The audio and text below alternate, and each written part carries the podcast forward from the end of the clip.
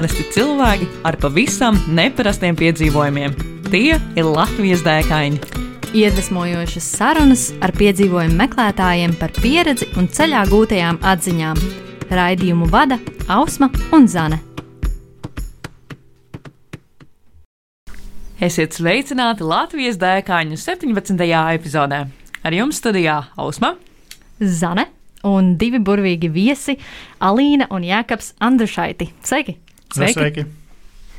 Uh, nu, lūk, esam jūs aicinājuši šeit, Latvijas dēkaiņos, uh, lai dzirdētu par jūsu lielāko dēku, bet nu, pirms tam uh, man šeit jāpasaka, ka jūs abi esat ļoti zināmi zem vārda sapņu medniece. Un, uh, tas ir ceļojuma bloks. Varbūt jūs varat mazliet vairāk pastāstīt par to. Jā, nu tas bloga nosaukums tiešām sākumā bija sapņu medniece. Mēs jau spriežam, ka varbūt vajadzētu pārsākt par sapņu mednieki, jo tomēr mēs esam divi tā. Jā. Sākumā sākās kā tāds vairāk mans bloks, un Jēkabs darbojās pie tehniskās puses, ko viņš aizvien vēl dara. Bet uh, pakāpeniski man šķiet, ka viņš ir vairāk un vairāk iesaistījies arī vispār blogā, struktūrā un uzbūvē. Un ir arī viens raksts, ko viņš palīdzēja sarakstīt. Bet tā principā ir tā, ka viņš pie fotografijām strādā. Es esmu pie, pie rakstīšanas, un tas mūsu sapņu mednieku stāsts um, sākās ar uzvaru National Geographic ceļojuma stāstu konkursā wow. 2013. gadā. Pēc kā mēs nospriedām, ja mūsu rakstītais ir gana labs National Geographic, tad varbūt arī kādam citam noderēs. Jā, nu pilnīgi noteikti. Jā, man šķiet, ka jūs esat tie cilvēki, kuru stāstiem uh, seko vairums uh, Latvijas uh, aktīvo ceļotāju. Jo šķiet, ka jūsu blogā patiešām ir ārkārtīgi daudz ļoti vērtīgas un tādas praktiskas informācijas. Un tad, nu, arī šodien, cerams, būs tāda ļoti vērtīga saruna. Un tad mūsu jautājums jums, kas tad ir tā lielākā dēka, kur jūs abi esat līdz šim bijuši? Uh, nu, mums īstenībā dēks ir daudz un dažādas bijušas. Tā ļoti grūti izvēlēties uh, to, kas, ir, kas skaitītos lielākā, jo tās skalas jau arī ir dažādas un tie kriteriji ir dažādi. Bet uh, nu, tāds, no, nu, tāds, kas mums liekas, tāds uh, varētu būt tas uh, brauciens Malaizijā. Uh, uh, paskatīties un apēst kādu durienu. Tas ļoti spontāni viss notikās. Un, un, nu, tur mums bija interesanti diezgan. Jā. Jā, tas tā pavisam spontāni un nejauši sanāca.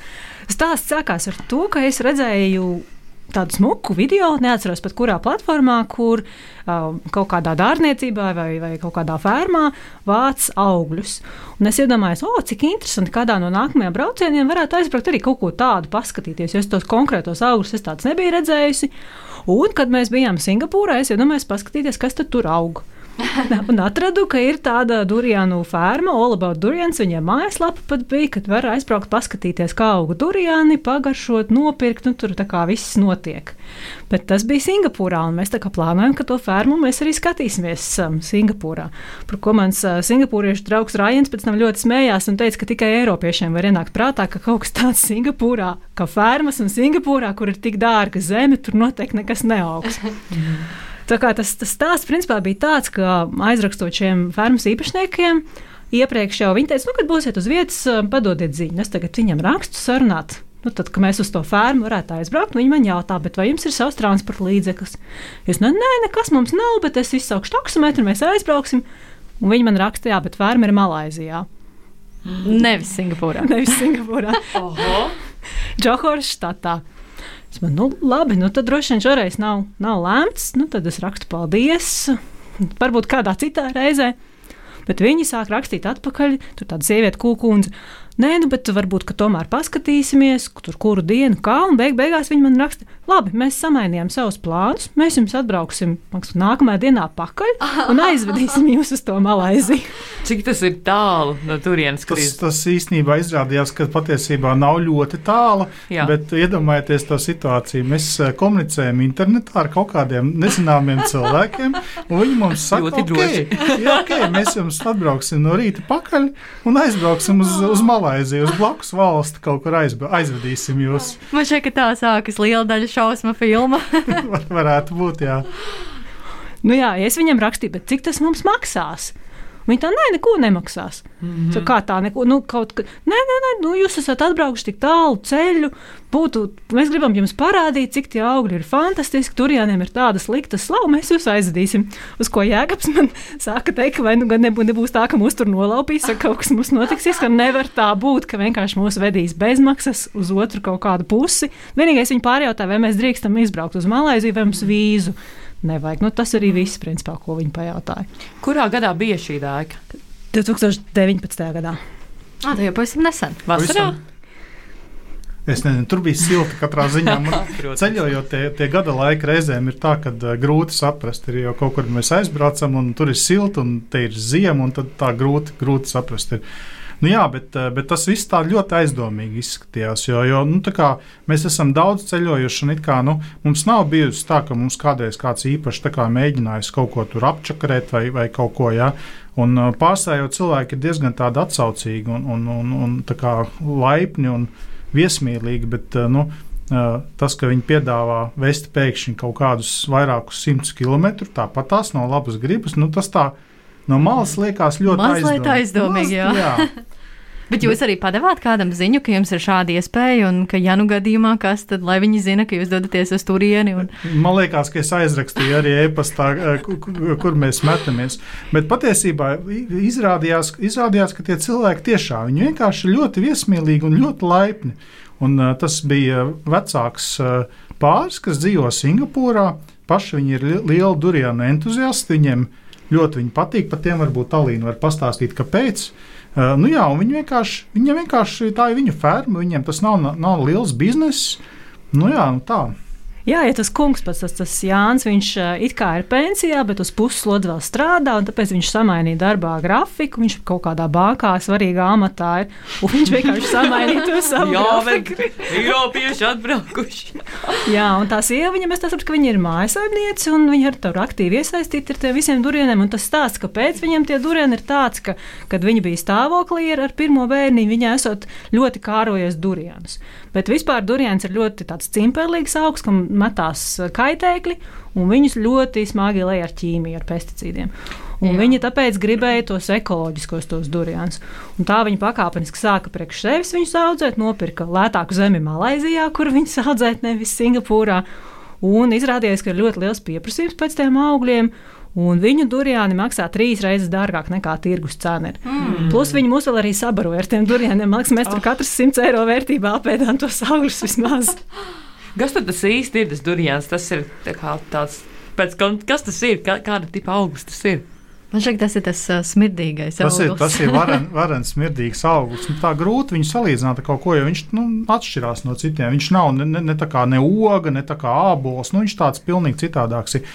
Bet uh, mēs jau tos durianus savodām Singapūrā arī daudzās vietās, uh, jo, jo vietējiem un arī turistiem viņi patīk un, un, un daudzās vietās viņus uz ielas tirgo. Tad, protams, ir viss tas rajons diezgan, diezgan ožs. Uh, un, uh, tur, tur bija pie, pie metro, ja bija uh, liela plakāta, kad uh, ar durieniem metro nedrīkst braukt. Oh. Viesnīcās arī nedrīkst iekšā. Nekur nedrīkst iet iekšā, tev tie durieni ir līdzi. Wow. Ir pat pasaules aviācijas vēsturē ir gadījumi, kad ir bijušas sēdināts lidmašīnas ar ārkārtas nosēšanos, jo ir domāts, ka varbūt ka toaletē kādai nav kārtībā. Vai, ja tur tie salīdzinājumi ir dažādi, ka it kā tur pēc pūšiem sīpoliem viņš ir vai tur pēc kaut kādām zeķēm. Nu, kā jums šķita pēc kā smaržo? Duriens. Jākaps var sākt pirmais. es, es nezinu, man nu, tā nu, ļoti viņš, viņš ir tāds, viņš tā, tā nevis tā maigi, tā maigi pretīgi tā oža, bet, bet viņš tā aktīvi, tā, tā uzbrukoši. Tur jātaisa ciet deguns, ka tu ēd bez mazvai. Nu, par to mēs varam vēlāk, kad mēs līdz tam tiksim parunāt, jā, bet uh, katrā ziņā. Jā, nu tā smaka diezgan, brie, diezgan tāda baisa ir. Jā. Nu, viņi nevar, nevar tā kā zina jau, tā, kad viņu zina, uh, tad viņu sajaukt ar neko citu vairs arī mm -hmm. nevar. Bet man viņi garšoja. Nu, jā, nu, jā, ja mēs par to garšu runājam, nu, man, man, viņ, man viņa nepatika. Jā, viņam tā, tā garša tāds tā kā. Tā kā kafija ar sieru kopā, nu kaut kas tāds varbūt. Kā Uh, kafijas kā pupiņas, Tā kā, samaltas vai tā kā, jā, tā kā, tā, nu, tā kā kafija, es nezinu, tas tā būtu tā kā tasītē uztaisīt kafiju nevis Mhm. ar pienu, bet ar kārtīgu ar sieru kopā. Nu, kaut kāda kausēto Dzintariņa, dzintariņa. Oh. Dz- Dzintariņš ar kafiju. Tā garša viņam tāda ir. Kas, Tas ļoti kolorīts, jā, apraksts. Kas interesanti ir, kad tā, kad ēd viņas, tad to, to tā smaku nejūt. Man oh. īstenībā, es, es pat neesmu pārliecināts, ka viņam mūž tieši tas uh, pats, pats iekšā tas auglis. Viņam man- it kā mīza. Viņam tā mīza vairāk kož, un ka viņus tīra, tad, tad viņiem tad tā, tad tā, tā, tā smaka ir. Jā. Es piekrītu par to kafijēno garšu, bet man viņš šķita tāds medaini, krēmīgi kafijēns. Hmm. Man ir pat video, kur jēkabs viņu ēdu, un uzreiz pēc pirmā malta, kā pēc tā pirmā kodiena, var redzēt, nebūs. Man gan bija tā, ka es apēdu to, ko man iedeva, un tad viņš teica, nu, gribēs vēl, saka, jā, un tad viņš man iedeva tur citu to šķirni, pagaršot, kas tur ir. Es maksāju trīs vai četrus tos veidus apēdu. Bet Vau. atšķirība ir tāda ļoti jūtama, teiksim, nu, no tām šķirnēm. Vai viņi tomēr ir tādā vienā garšu niansē? Man viņš šķiet plus mīnus vienādi, mm -hmm. bet es tā sapratu no vietējiem, ka ir ļoti liels atšķirības. Nevelti viņi taisa durienu festivālus, un tur mm. tūkstošos tie augļi maksā, izsos tiek rīkot. Es domāju, ka tas ir kaut kas tāds, ko ar laiku var sākt atpazīt. Katrā ziņā, kad es Jānam jautāju, bet kā tā, ka tas, tas augs ir tik traku, smaku un vispār slavu, ja YouTube paskatīties video, cik daudz ir, kur cilvēki rīstās un vemj un tā. Viņš teica, ka pirmkārt ļoti bieži durianus turistiem iesmērē sliktus. Un viņi ir tādi, ka, ja viņi sabojājas iekšā, tad ir pavisam traki. Nu, mēs taču neesam sapūši ābolu. Nu, viņš garšo briesmīgi, droši vien. Nu, kā ar durianiem ir tas pats, tāpēc viņš teica, noteikti durians ir jāēd kopā ar kādu vietējo, kurš zina, kas ir laba manta un kas ir slikta manta. Un tad tos sliktos tad kā reiz tirdziņā iesmērēs tiem, kas neko nezina. Paspļaudīsies un būs iztērēta nauda. Es pieņemu, ka Latvijā durjānas nevar dabūt. Uh, es pirms mēs, pirms mēs par tiem durvīm tur braucām, es intereses pēc pastījos, nu, kas ir YouTube, ko internets uh, par to runā. Un izrādās, uh, es pamanīju, ka teiksim, Vācijā ir kaut kādi cilvēki, kas viņus kaut kur pa pastu ir sūtījuši, kaut kādā mm. veidā iepakotus hermētiski. Ja? Bet uh, tur kā likums visiem viņi likās ļoti nēdami un ļoti briesmīgi. Es pieļauju, ka viņi ir uh, visticamāk bija vai nu ne īpaši labas kvalitātes, vai arī veci, vai arī pa to mēnesi, kamēr viņi kaut kur Ceļo. relē ratā ceļoja apkārt. Tikmēr viņi bija palikuši. Jā, tas bija tāds, kas man. Un tur tiešām, tur, ja paskatās internetā, YouTube, to, tur tiešām visi, visi tā rīstās. Un, Jā, un, jā, jā. Jā, jo mēs pēc tam arī iebraucām ā, nopirkt um, vietējā veikaliņā šokolādīti ar durienu garšu. Nu, tā gan bija tāda, kad es Latvijā pagaršoju viņu, sapratu, nē, tas tur nebūs Papīrīts paliks atmiņai. Vai? kaut kā tā, jā. jā. Jā, un tad uh, tas mērķis bija vienkārši aizbraukt un pagājušo šo, šo durienu, vai uzrakstīt kādu rakstu, vai izveidot kādu mazo īsfilmu par to. Tad, tad, tas bija tas mērķis, vai, vai kas tieši bija mērķis tam, tam braucienam?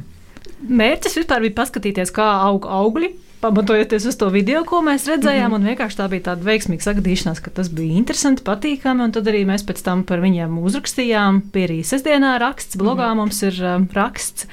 Nu tā, tā kā vienkārši izbaudījām viņu kompāniju. Viņi mūs arī pēc tam vēl aizveda pusdienās uz vietējo restorānu. Tad mēs piestājām pie kaut kāda veikaliņa, iepirkāmies tur. Viņi teica, ka cenas esot par 30% lētākas nekā Singapūrā, tāpēc viņi pielēja pilnu bāku, piepērk pilnu bagāžnieku ar produktiem. Jā, jā. Visu, visu, visu. Un tad smieklīgi bija, kā viņi mazgāja automašīnu. Kā nu, ir tās automātiskās mazgātos, kā mēs mm -hmm. iebraucam iekšā, un tad tev tur viss notiek. Bet šeit bija tā, ka tu tā iebrauc, un tad atnāk seši vīriņi, kuriem ir tā ar rokām to visu. Arī kā filmās. Jā, jā. Jā, vienīgais mums tas atpakaļ brauciens bija tāds uh, arī interesants. Jo, Uh, nu kā, viņi, viņi aizbrauca uz to fermu savējo, kur viņi audzē. Viņam īstenībā arī citi augļi. Daudz mēs arī uh, daudz citus eksotiskus augļus uz vietas pagaršojām un paēdām. Bet uh, tad viņi piekrāvēja pi- pilnu mašīnu ar, uh, ar tiem durianiem. Mm -hmm. Un mēs visu ceļu braucām ļoti, ļoti, ļoti, ļoti smaržīgā mašīnā. Jā. Tā Kā, bet beigās mēs laikam jau pieradām pie tās, uh, un, un pēc kādas stundas vairs tā, tas ne, tā kā nebija tik, tik ļoti jūtams. Bet uh, nu, sākumā tā mašīnā bija diezgan traki. Jā. Tā ir tā, ir tā smaciņa tiešām no tās mīzes, bet jā, viņi tos augļus s- savāc, un pēc tam uz vietas viņiem ir pat rinda ar cilvēkiem, kas gaida, lai varētu tikt pie tiem labajiem durieniem. Viņi paši viņus tur iztīra, apako uzreiz, lai nav šaubas par to, ka tur kaut kas nav kārtībā, ka kāds nopērk sliktu to durienu. Un tā, un viņi stāstīja, ka viņiem uz vietas fermā visu laiku dzīvo strādnieki, mm -hmm. jo tos durienus zogot. Mm -hmm. Līdz ar to viņiem ir arī žogs apkārtējā fermā, un viņiem ir viņi visu laiku jāsargā. Plus arī viņi neizmanto nekādas ķimikālijas viņa audzēšanā. Viņi teica, ka tā ražība arī nav tik laba. Ļoti daudz augļu aiziet postā. Mm -hmm. Tā kā nu, tāda li liela kaut kāda peļņas gūšana, es saprotu, ka viņiem nav. Tas viss vairāk tāds uz entuziasmu. Jā, izklausās pēc tāda ļoti nu, interesanta hobija kopumā. Jā, noteikti. Bet uh, viņi, vai viņi vairāk paskaidroja, kādēļ viņam ir tas mērķis uh, to durianu tomēr pacelt tajā slavas saulītē? Jo es saprotu, nu, ka tā, tas aromāts laikam nav pārāk tāds pievilcīgs, bet ir cilvēki, kas to pērk. Tad ir vismaz man šķiet, jā, ka tiem cilvēkiem tāda misijas apziņa ir bijusi, bet varbūt viņi pastāstīja jums vairāk kādēļ. Sīkāk viņi nestāstīja, bet es domāju, ka tas varbūt pieder pie daļas no viņa kultūras, un viņi uzskata, ka tas ir kaut kas tāds, kas ir pasaulē pārprasts un ir mhm. pārāk liels negatīvas informācijas daudzums, un, un daudz varbūt pat arī nesadūšosies un nepagaršos nekad. Es pat nezinu, vai es uz ielas iet un pirktu tādu durienu, mm -hmm. jo es garām ejot, nu viņš tiešām ļoti briesmīgi loži. Fermā to starp citu, nu tādu brīvā dabā to tā nejūt. Kad viņi sagriez viņus, kā, es redzēju, ka pilsētā, ja cilvēki ēda, tad vilka cimdiņus, un tad ar tiem cimdiņiem ēda viņus. Nu, man tur tāda bludiņa bija, kur var apskalot pirkstus tikai. Un es nu, tagad ņemu, nu, tas vienkārši ar plikām rokām arī ņēmu un domāju, kā nu būs. Bet nebija tā, ka pēc tam smirda rokas. Ne, nu, varbūt mēs jau tā pieradām, ka vairs nejūtam. Paši arī ožat mazliet pēc durvīm, izkāpjot no mašīnas. Varbūt nu, kaut jā, ko zināt. Nu, viesnīcā neviens kā neko neteica, ka mēs gājām garām. oh, ļoti labi. Un, um, es saprotu, ka tā ir tāda praksa vietējiem uh, kopumā, ka viņiem ir, teiksim, ja viņi dzīvo Singapūrā, tad viņi pēc tam uz Malaiziju dodas nu, tādā nezinu, uz, tā kā mums uz dārziņiem, piemēram, kaut ko audzēt. Tā viņi ikdienā visu laiku dara. Es domāju, ka nē, ka tas ir vairāk tas vienkārši šī, tāds, šī pāri īpatnība. Mm. Iepirkties, es tā saprotu, ka viņi noteikti dodas, tāpēc viņi arī teica, ka viņi brīvdienās noteikti negrib braukt uz Malaiziju, mm -hmm. jo tad ir liels rindas uz uh, robežu kontroli, jo daudzas ģimenes brauc iepirkties, uh, bet darbdienās viņi bija ar mieru braukt. Un kā jums bija šajā ceļojumā, piemēram, ar naktsmājām? Jūs iepriekšā jūs sameklējat viesnīcas, vai kā jūs vispār plānojat tos ceļojumus? Vai jūs paļaujaties, aizbraucat tur un tad uz vietas risināsiet, vai jūs esat tie, kas jau laicīgi visu saplāno? Alīna ir ļoti liela plānotāja. Mums viss ir izplānots ļoti diezgan precīzi. Tas, gan, protams, nenozīmē, ka mums kādreiz kaut kas spontāni nemainās, jo, piemēram, mēs esam pa ASV roadtripā, mēs esam braukuši tā, ka mēs uh, vakarā mašīnā, kur nu esam, tur mēs arī pierezervējam viesnīcu. Bet, mm. bet nu, parasti mēs cenšamies tomēr tā plānot, lai tā, nu, lai tā drošības sajūta par to, kur mēs paliekam, ko mēs apēdam, ir. Un tad, lai pāri, nu, pārējie tie piedzīvojumi nāk tā kā, nu, tādā mierīgā garastāvoklī, nevis stresā. Jā, tieši tā, jo arī Singapūrā viss bija laicīgi pierezervēts un sagatavots, uh, un tad arī parasti var labākas cenas atrast jau laicīgi ieplānojot, kurā rajonā grib dzīvot. Tā kā es parasti esmu gatava, un mans atklājums varbūt ir tāds, ka nu, citreiz saka cilvēki, nu, jā, nu, tur plānot, tad nav interesanti. Mm -hmm, mm -hmm. Bet tāpat uh, var jau atstāt brīvu vietu, kad tu pastaigā pa pilsētā savā grafikā. Plus es arī esmu daudzas lietas atradusi, plānojot kaut ko tādu, ko es neticu, ka es uz vietas būtu at atklājis. Tur, piemēram, Nejauši. Tieši tā, piemēram, mm. Indijā Taģmahālu mēs redzējām pilnmēnesis nakts tūrē. Kas ir izrādās tāds pasākums, ka, ja grib iegādāties biļetes pats, tad tas ir mēnešiem iepriekš jau bezmaz jādara. Un mums uz vietas vienkārši, pat cik es to zināju, es jau pierezervēju tādu viesnīcu, kur tās biļetes bija iekļautas cenā. Mm. Wow. Un tad jā. mēs tikām tā, ka vispār ar kaut kādiem 20 vai 30 citiem cilvēkiem kopā, jā, nu tas bija tāds, tas ir patiesībā atsevišķi piedzīvojums stāstu vērts brauciens. Tā kā to visi, ja plāno, tad var uzzināt vairāk, manuprāt. Mm. Un tad par naktsmītnēm skaidrs, un tad par transportu arī līdzīgi, kad jūs jau izplānojat, tad ar kuru transportu cikos, kur brauciet, nu, kad jūs minējat, piemēram, kad jums ir tā dienā noteiktas stundas, kas būs pastaigāta, bet viss pārējais tad sanāk, ka ir saplānots. Es parasti apskatos, kā es varu tikt uz vietas, līdz ar to metro kartē jau puslīdz esmu izpētījis, sapratu, ka man ir jāpērk dienas biļete vai vienas reizes biļete. Oh, cik forši. Es man... tā nekad nedaru. Tas izklausās tik labi. Sa sameklēju taksometru lietotnes laicīgi, ja lai es zinu, ko es, ja kaut kur pēkšņi es esmu tur, kur es netieku ārā ar sabiedrisko transportu, lai es varu arī atrast citu, citu transporta līdzekli. Nu, tā, tā kā, nu, vai arī tad paši savu nomu, bet, nu, Singapūrā nē, tur to mēs nolēmām, ka tur sabiedriskais transports ir, nu, un uz Malēziju mūs aizved. Mhm. Kam jūs ieteiktu tādu pieredzi, kāda jums ir bijusi ar šiem durjāniem? Ka, kas ir tas tipāšs, kas nenobītos no tādas pieredzes? Nu, tur jau neko ļoti, nekas ļoti bailīgs jau patiesībā nebija. Tur, uh, nu, jā. Ja neskaita to piedāvājumu, uh, mazliet aizdomīgo aizvest, atvest, pabarot. Nu, nu, jā, jā, jo tas, tas, tāds, nu, tas bija vienīgais, kas kā, tajā visā stāstā bija neloģiski, negaidīti. Mm -hmm. Jo pārējais jau viss bija ļoti ok. Tā kā, tur ne, nekā, nekas tas, tas neprasa. Tas nav kā uzkāpt Everestā vai kaut ko, kur ir uh, jāgatavojās gadiem un jāuzdrīkstās un jāpārkāp sev pāri. Tas, šis, šis jau nav tāds piedzīvojums. Pie tam mēs pat neesam tādi ļoti lieli ēdienu eksperimentētāji. Es teiktu, ka mēs vispār uz ēšanu ļoti tā neiespringstam. Ir, ir valsts, kur es esmu principā no proteīna batoniņiem pārtikus, jo vienkārši to ēdienu nēdu. Tā kā Indijā man ir pasu. Līdz ar to, ja, mēs, ja nav laika paēst, nu, mēs tā kā arī īpaši neiespringstam uz to un nēdam. Mm. Nu, protams, kādam, kas varbūt tā izsmalcināti, tur grib izbaudīt restorānus. Tāpat laikā Singapūrā arī Michelin zvaigznīšu restorāni lētākie pasaulē ir tur. Mm. Tā kā tas ir street food, kam ir, manuprāt, viena tā Michelin zvaigzne, mm -hmm. kas ir vislētākais Michelin ēdiens pasaulē. Pagaršojāt? Jā, pagaršojām. Un kā bija? Tur bija tāda vista. Tā, kā... à, tā, bija, jā, tā bija ļoti laba. Salīdzinot ar to dūrijānu. jā, tā bija, tā bija tiešām laba. Bet tā jā, ir ļoti interesanti. Jā, tā vienkārši ielas, tāda vienkārši, vienkārši ielas ēsto, kur ir uh, viss ar, ar, ar īsiem. Jā. Jā, viss, viņa meņu cita faktiski nekā nav. Uh, Uh, bet tā vista, protams, tur ir marinēta un tā tālāk. Un, jā, viņiem ir tā Michelin zvaigzne, kas ir, ir atzīta par uh, ļoti augstas kvalitātes uh, produktu. Jā. Jā. Bet, nu jā, tos du, durjānus turpatās aizbraukt, apskatīties. Ja nejauši ir kā, kāds ir Singapūrā un apnīk Singapūras visi apcirptie, apcirptie kociņi un mauriņi un palmiņas, jā, nu tad tas ir tāds, ko tur var izrauties ārā un redzēt nedaudz kaut ko citu. Jo, jo Singapūrā ir, eh, nu, ir debesu skrāpja, eh, pilsēta un dabas, dabas tur tādas ne, nesavaldītas dabas eh, nu, ļoti maz tur ir. Jā, Singapūrā ir īstenībā tāds varbūt veltīgi, tāds, tāda slava veltīga, ka, ka tas ir gal, galvenais, kur pa ceļam iebraukt uz dienu vai uz divām, pa ceļam mm. uz Austrāliju vai pa ceļam uz kādu citu vietu, bet patiesībā mēs tur bijām gandrīz divas nedēļas un vēl palika daudzas lietas, ko mēs nepagojām izdarīt, ko gribējās vēl paskatīties tālāk. Vai jūs arī plānojat atgriezties uh, Singapūrā, tad, kad tas būs atļauts, vai jūs tomēr domājat uz Malaisiju varbūt aizdoties? Gan, gan. Bet uh, vairāk nu, nu, par šo mums ir tāds uh, vairāk uzskats, ka uh, īpaši aizrauties ar to pašu vietu vēlreiz apmeklēšanu varbūt nevajag, jo, diemžēl, pasaulē ir tik daudz visādi interesantu lietu un dzīve ir tik īsa, lai to visu paspētu. Tā kā sanāk, ja tu aizbrauc kaut kur otru reizi, tad tu, nu, tad tu kaut kur citur vienkārši citā vietā nekad nenokļūsi. Nu.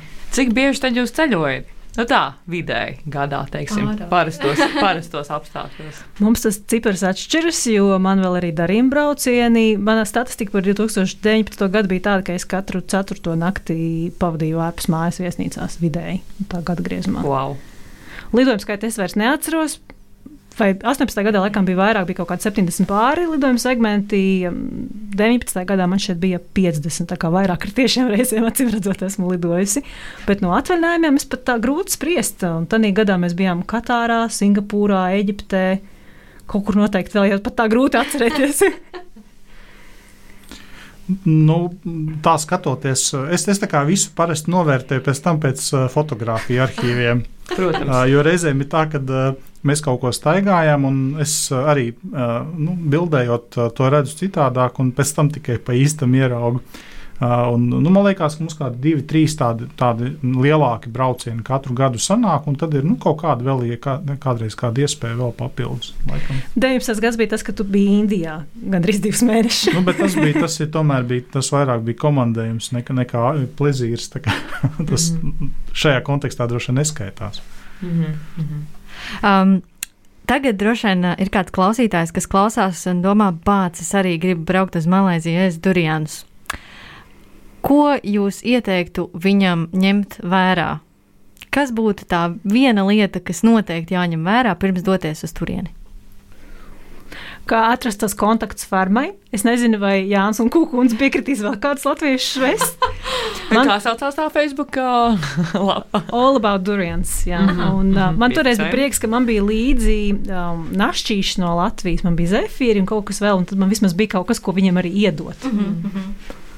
Tā kā paņemt līdzi našķīti, mm -hmm. mēģināt atrast kontaktus Jānam un Kūkundzei. ļoti labi. Izklausās pēc ļoti mītiskiem cilvēkiem. Jūs tā stāstat par Janu un Kukunu, ka man arī gribējās sameklēt. Un vēl kāds ieteikums? Paņemt pretodu līdzekli. a, a, kā tur ir īstenībā? Vai tie odi nav tur tie, tie, tie bīstamie? Jā. Tajā reģionā, manuprāt, nē, vismaz mēs uz Singapūru neko tādu, nekādas zāles mēs tur nedzērām. Tas mm. bija Indijā vairāk mums, bet uh, odi tāpat ir. Nu, vismaz ir tā, ka mani odi atrod visur. mm. Jā, bet, ja runā par malāriju, tad vienkārši jāskatās, ir Pasaules veselības organizācijas uh, uh, interneta uh, mājaslapā un attiecīgi konkrēt, konkrētiem reģionam jāsaprot, kādi ir riski un attiecīgi jārīkojas atbilstoši tam. Tad šim reģionam vajadzēja izveidot vīzu Lai... Nē, mums nevajadzēja. Latviešiem mm. nevajadzēja ne uz Singapūru, Aha. ne uz Malaiziju. Es neatceros vairs dienu. Limitu parasti ir kaut kas līdz 90 dienām, mm -hmm. ko var iebraukt. Bet jāskatās, kādi tie nosacījumi šobrīd ir. Un viss tikai tas ir vienkārši lidmašīnas biļets un aidā. Un uz Singapūru ik pa laikam ļoti labas cenas var arī no Rīgas atrast. Es esmu redzējis arī par 300 un 400 eiro turpat pakaļ. Oh. Nu, ko tad jābrauc es tādu arī jāne uz Malaiziju? Uh, nu, mūsu raidījums. Uh, podkāsts uh, tieši dodas uz tādu izskaņas pusi. Un tad otrs jautājums, ko mēs uzdodam uh, raidījumu viesiem, ir par to pieredzi, ko viņi noteikti iesaka uh, pieredzēt tepat Latvijā. Šajā gadījumā gan jūs esat uh, izvēlējušies uh, pavisam citu valsti, bet kas ir tepat netālu, un varbūt jūs varat tad uh, pastāstīt mazliet sīkāk. Jā, mēs nolēmām, ka tas mūsu stāsts, ko var izbaudīt tepat. Uh, varētu būt mazliet tālāks tepat, jo nu jau šķiet, ka Latvijā būs izbraukāts viss krusts šķērs vairāk nekā pēdējos desmit gados, un tas mūsu stāsts ir par Igauniju.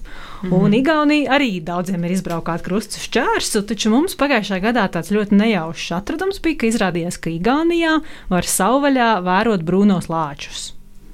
Mm -hmm. Drošā veidā tas nav zoodārs, bet viņi ir savvaļas dzīvnieki. Un pēc tā, kā mēs par šo iespēju uzzinājām, manuprāt, bija trīs vai piecas dienas pagāja, kamēr mēs jau bijām tur. jā, jā. Kā, kā tas notiek? Jūs uh, dzīvojat uh, kaut kādā mājiņā un, uh, un, un vienkārši panākt skatāties kaut vai? kādām. Uh... Uh, nē, viņiem, viņiem mežā ir uzbūvēti slēpņi, droši, droši kaut nu, kā lācis iekšā pie tevis netiek. Mm -hmm. uh, protams, apkārt viss ir kluss un, un, un, un tur dzīvot neviens nedzīvo, lai viņus netramdītu. Tā kā, tādā slēpnī tu ierodies kaut kad vakarā, pēcpusdienā, un tad līdz nākamās dienas rītam tu tur klusiņām sēdi vai, vai guli vienalga, gaidi, kamēr atnāks lācis. Lācis, ka lācis nāk, to var dzirdēt, jo viņš tāds diez, diezgan, skaļš, diezgan skaļš dzīvnieks pa mežu mhm. pārvietojas. Es gan pieļauju, ka, ja viņš gribētu, viņš arī ļoti var pielīties noteikti arī. Mm -hmm. Man šķiet, ka tad, kad viņš bija tālāk pa pļaviņu, tad viņu īsti nevarēja dzirdēt, bet kad viņš nogāja gar mājiņu, tur vēl ir mikrofons, salikt ārā un iekšpusē var dzirdēt. Tad bija tā, ka varēja dzirdēt, kā viņš elpo. Ah, šis izklausās ļoti baisi. Vai nebija baisi? Baisa nebija, bet tādu adrenalīnu varēja just, ka viņš ir tepat aiz tās mājas sienas un viņš tur iet garām. Jā, bet es saprotu, ka tā nav tāda garantēta iespēja redzēt šos lāčus. Tas principā ir nu, kā paveicis, vai ne? Vai Garantēts nav, bet, ja kopumā Igaunijā dzīvo aptuveni 800 lāči, tad pusi no tiem ir šajā apvidū. Mm. Līdz ar to ir tā, ka tomēr viņi tur diezgan daudz ir. Viņiem ir arī saliktas kameras, kad viņi vēro, un tos ierakstus var skatīties, bet tas, ko viņi saka, ir tā, ka, ja tu viņus neredzi, un tu tiešām esi bijis nomodā visu to nakti, līdz ar to viņi pēc kamerām var pārbaudīt, vai tie lāči bija vai nebija, tad viņi piedāvā bezmaksas vēl palikt. Var mm. sarunāt mm. vēl vai nu tajā pašā naktī, kas, kas būs, tā kā ja ir brīvs, vai arī atbraukt vēl citu reizi. Tāda kā kā sauc šo apvidu? Uh, Idā vīru apriņķis tas ir, un uh, natūra est ir tie, kam ir tie slēpnīši pieder. Mm -hmm. Tur arī diezgan tādas uh, labas cenas bija. Manuprāt, bija kaut kas ap 60 eiro. Par nakti? Jā. Uz, uz slēpni kā vienam cilvēkam. Jā, kaut kas tāds bērniem bija drusku lētāk. Vienīgais bērnus, nu, ne mazāks par septiņu gadu vecumu, ja tas tur tomēr ir ļoti klusu jāuzvedās. Jo pretējā gadījumā tie dzīvnieki iztramdās, tad viņi var arī nenākt atpakaļ. Tāpēc arī tie slēpņi ir iekārtoti tā, ka ventilācijas tās šahtas un tās, tās trubas visas aiziet ļoti augstu līdz pat koku galotnēm, wow. lai tie lāči nesauž tos cilvēkus tur. Ļoti iespaidīgi. Būs jābrauc Jā. līdz kā robežas vaļā, tā uz Igauniju. Un uh, kurā mēnesī jūs bijāt? Mēs bijām maijā. O. Tā kā var, var plānot, jārēķinās, ka, protams, ziemā tas pasākums nedarbojās, jo mm. lāču guļ. Mm -hmm. Bet, principā, no māja līdz oktobrim tas tiek piedāvāts. Es droši vien ieteiktu braukt labāk darbdienā, tad mm -hmm. mazāk mm -hmm. citi cilvēki varētu būt. Un tad tajā slēpņu mājā iespējams esat vieni paši. Tur tā māja ir, manuprāt, astoņvietīgais, pareizi atceros. Nu jā, diezgan, diezgan liela viņa ir. Jā. Mm -hmm. Nu, forši! Super! Lieliski! Uh, teiksim jums uh, liels paldies, ka atnācāt un veltījāt savu laiku. Un uh, mēs ar jums, klausītāji, un ar tevi, Ausma. un ar tevi, Zana. Jā, tiekamies jau pēc uh, divām nedēļām, un uh, jā, ar jaunām dēkām un piedzīvojumiem. Un uh, jaunām garšām, jauniem durjāniem. čau, čau, tiekamies nākamajā epizodē. Atā! Ko tu parasti dari, kad dodies pārgājienā un tev reāli apnīk? Nu, es laikam sāku dungot. Pācu, pācu, pācu, pācu, pācu, na, na, na, pācu, pācu, na, na, na.